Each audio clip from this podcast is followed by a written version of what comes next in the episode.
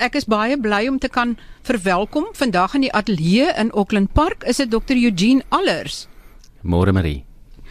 Ja, baie baie welkom en ek is ek is in die ateljee in Seepunt en ons gaan vandag gesels oor depressie en angstigheid, maar spesifiek oor behandelingsreis 'n pasiënt neem of die dokter hom op die reis neem van hoe werk behandeling.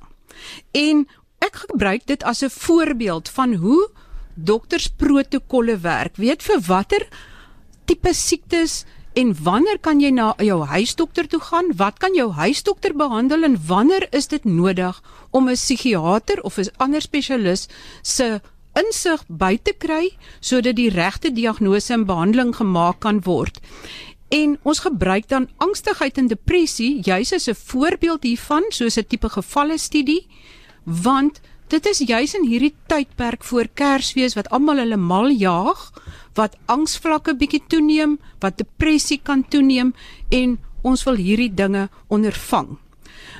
Dokter Allers, as iemand angstig is of bietjie depressief, wanneer moet jy hulp soek eerste by jou huisdokter en as jy nou by die huisdokter is, hoe besluit hy of hy dan vir jou behandeling moet begin gee en of jy na 'n spesialis toe moet gaan? Hoe werk daai vloei diagram van die verskillende stappe wat gedoen word as iemand nou angstig is? Wanneer is jy angstig of depressief genoeg om eerstens te gaan en dan behandeling te kry?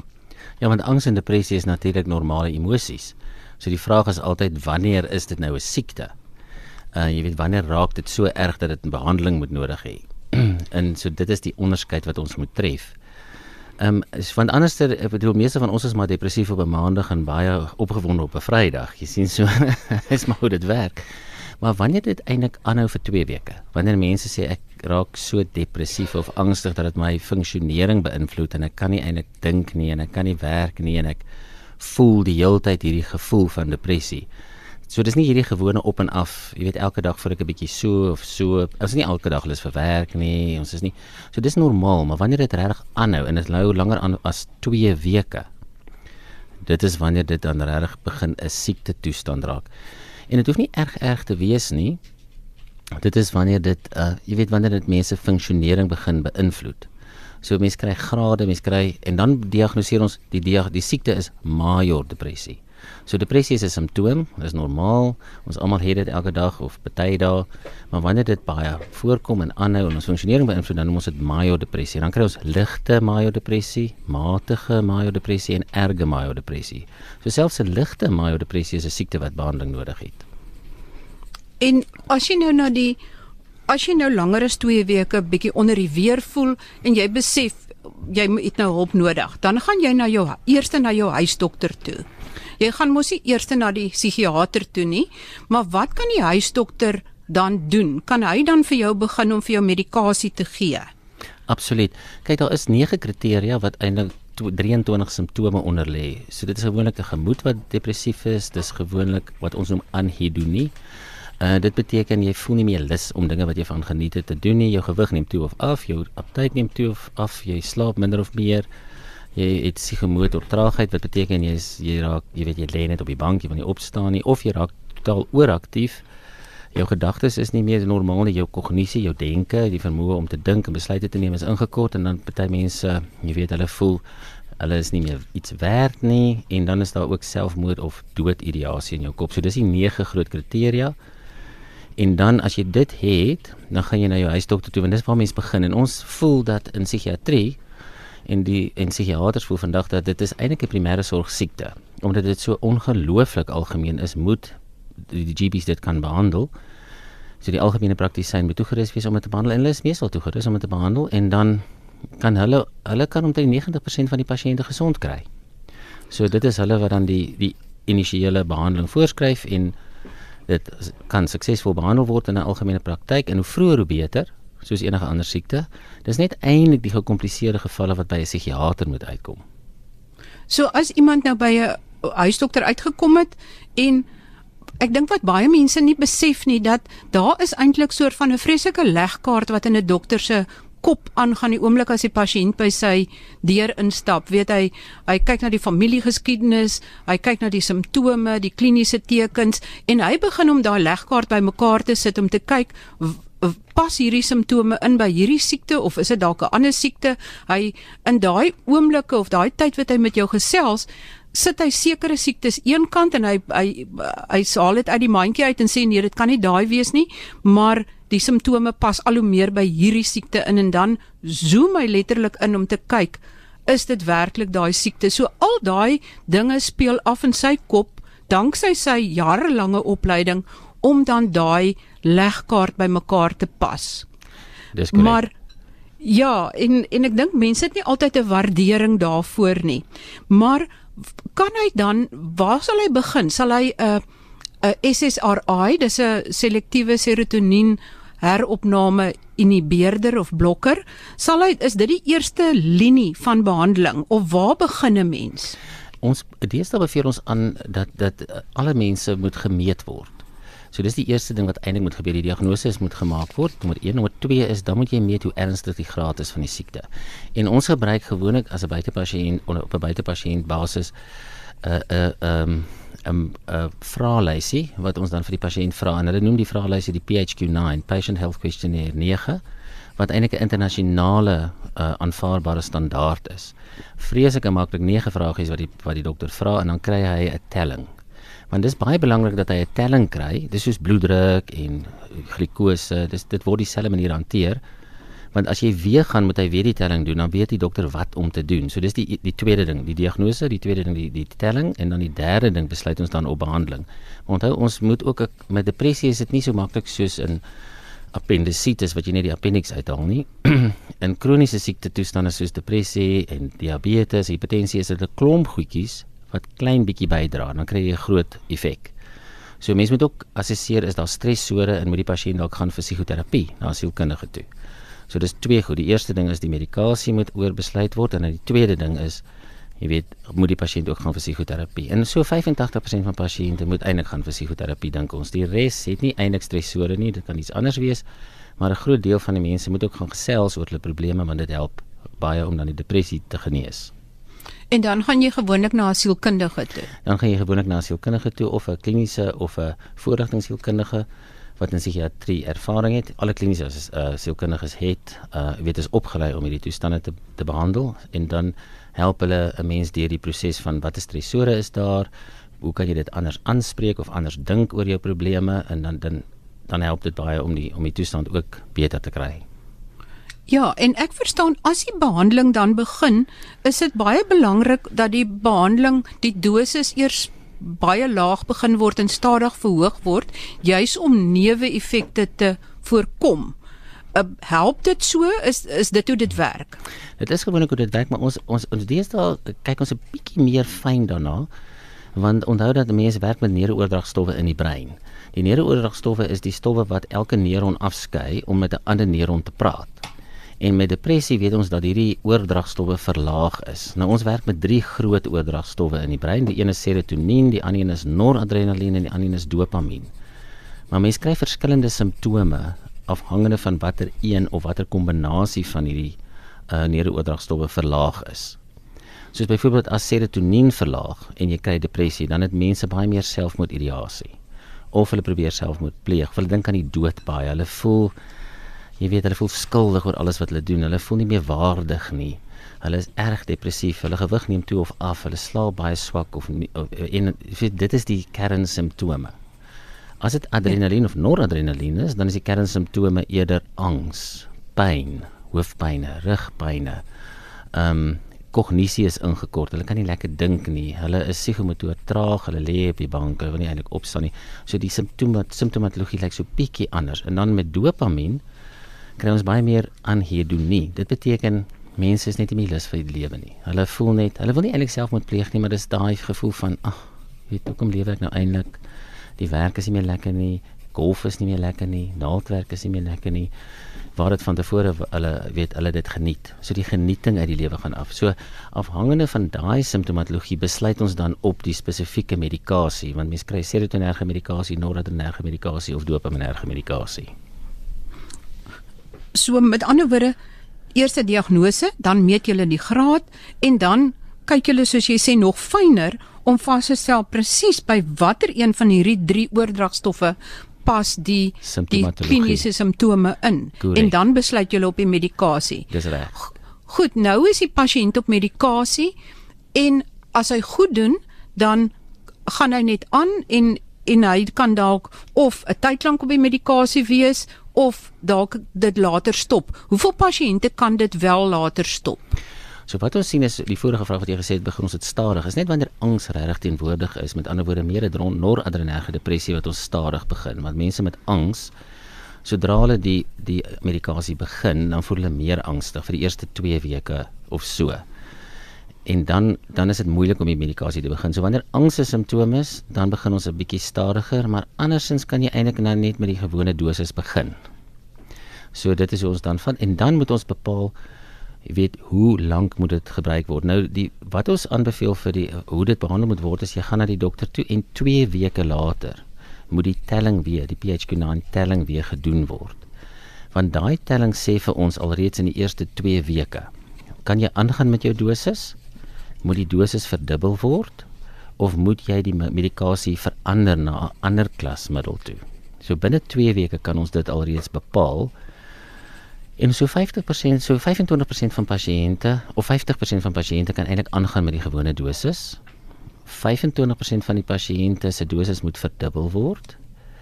En 25% van pasiënte, 'n kwart van pasiënte moet se pilletjie verander word na 'n ander ander klas antidepressant. So sê maar jy het begin met 'n serotonerge middel, dan moet jy eerder dan 'n serotonerge noradrenerge middel gee. So binne 2 weke kan ons al bepaal afhangende van jou respons op die medikasie moet dit aangaan, moet dit verdubbel of moet dit verander.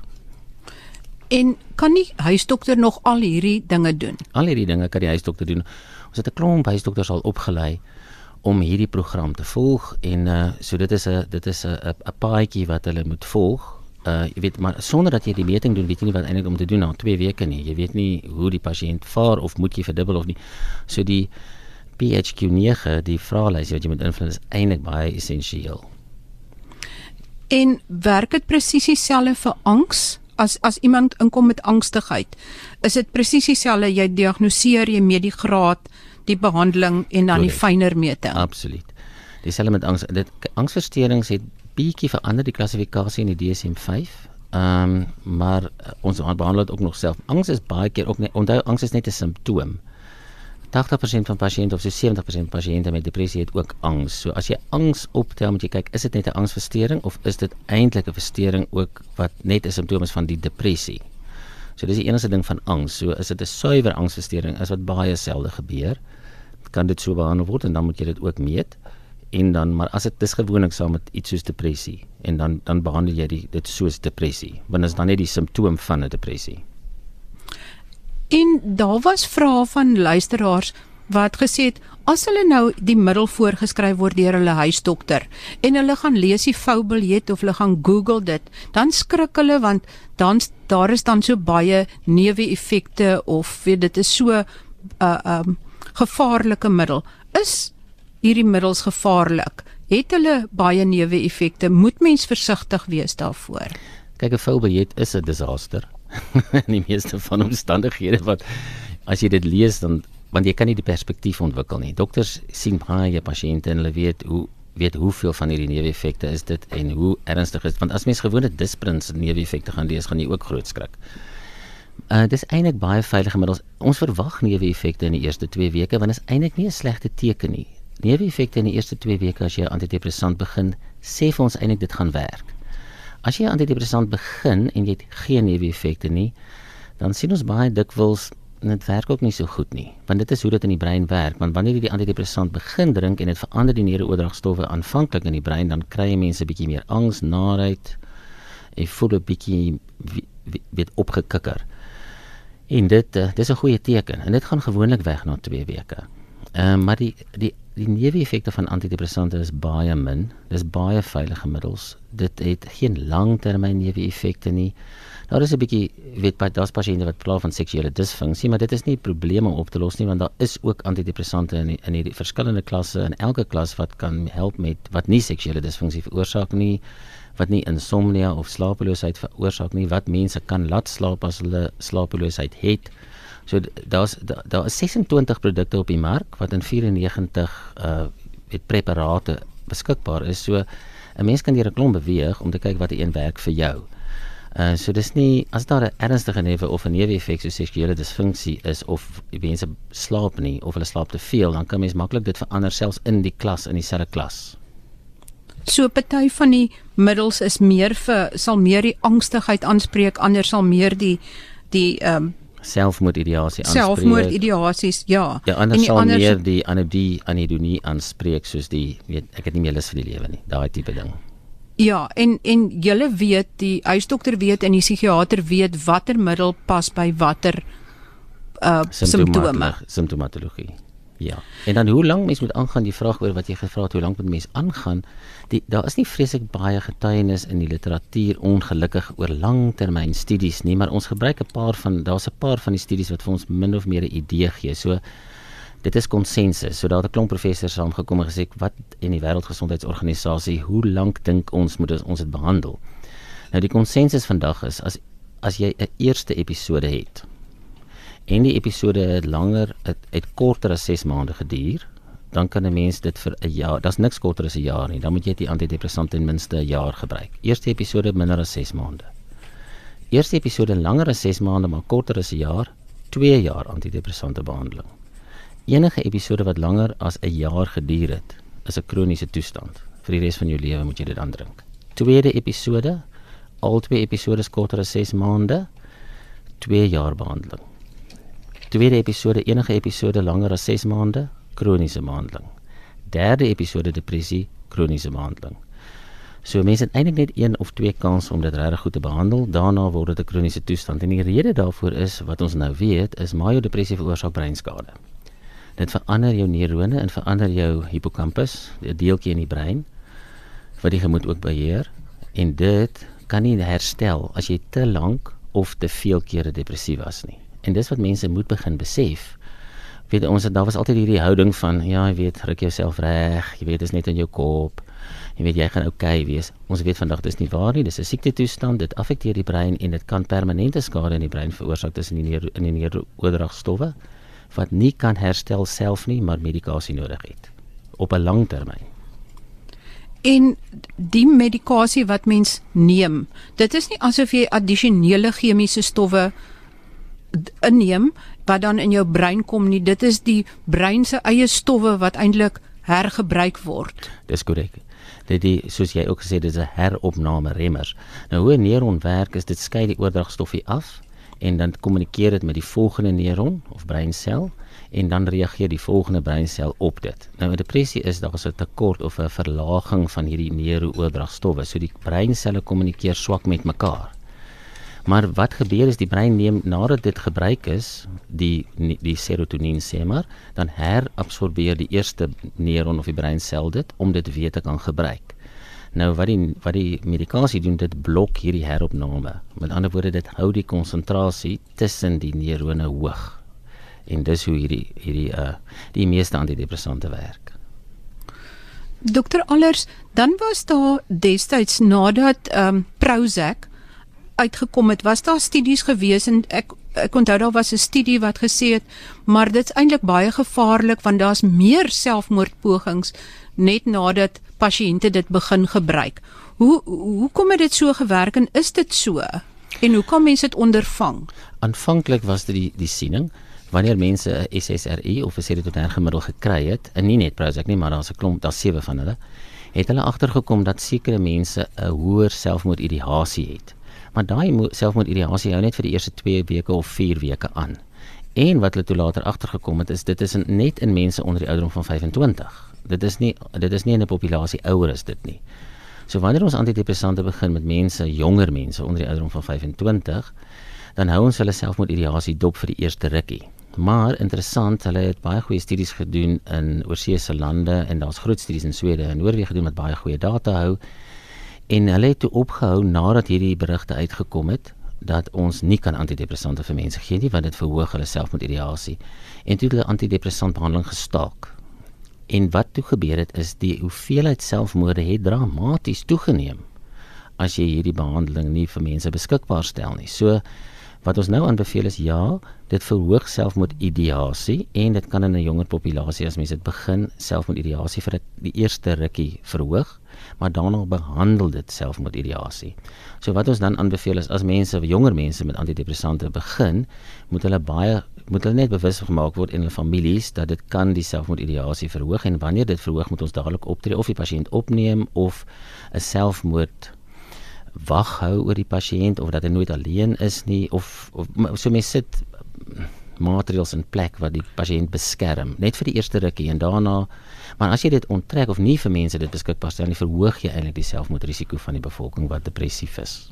So, met ander woorde, as jy iemand 'n jong mens opneem wanneer uh, hy begin hy of sy begin met uh, antidepressante, dan sit jy som hierdie rede om Dis te het, kyk om hulle onder wakende oë te hou. Korrek.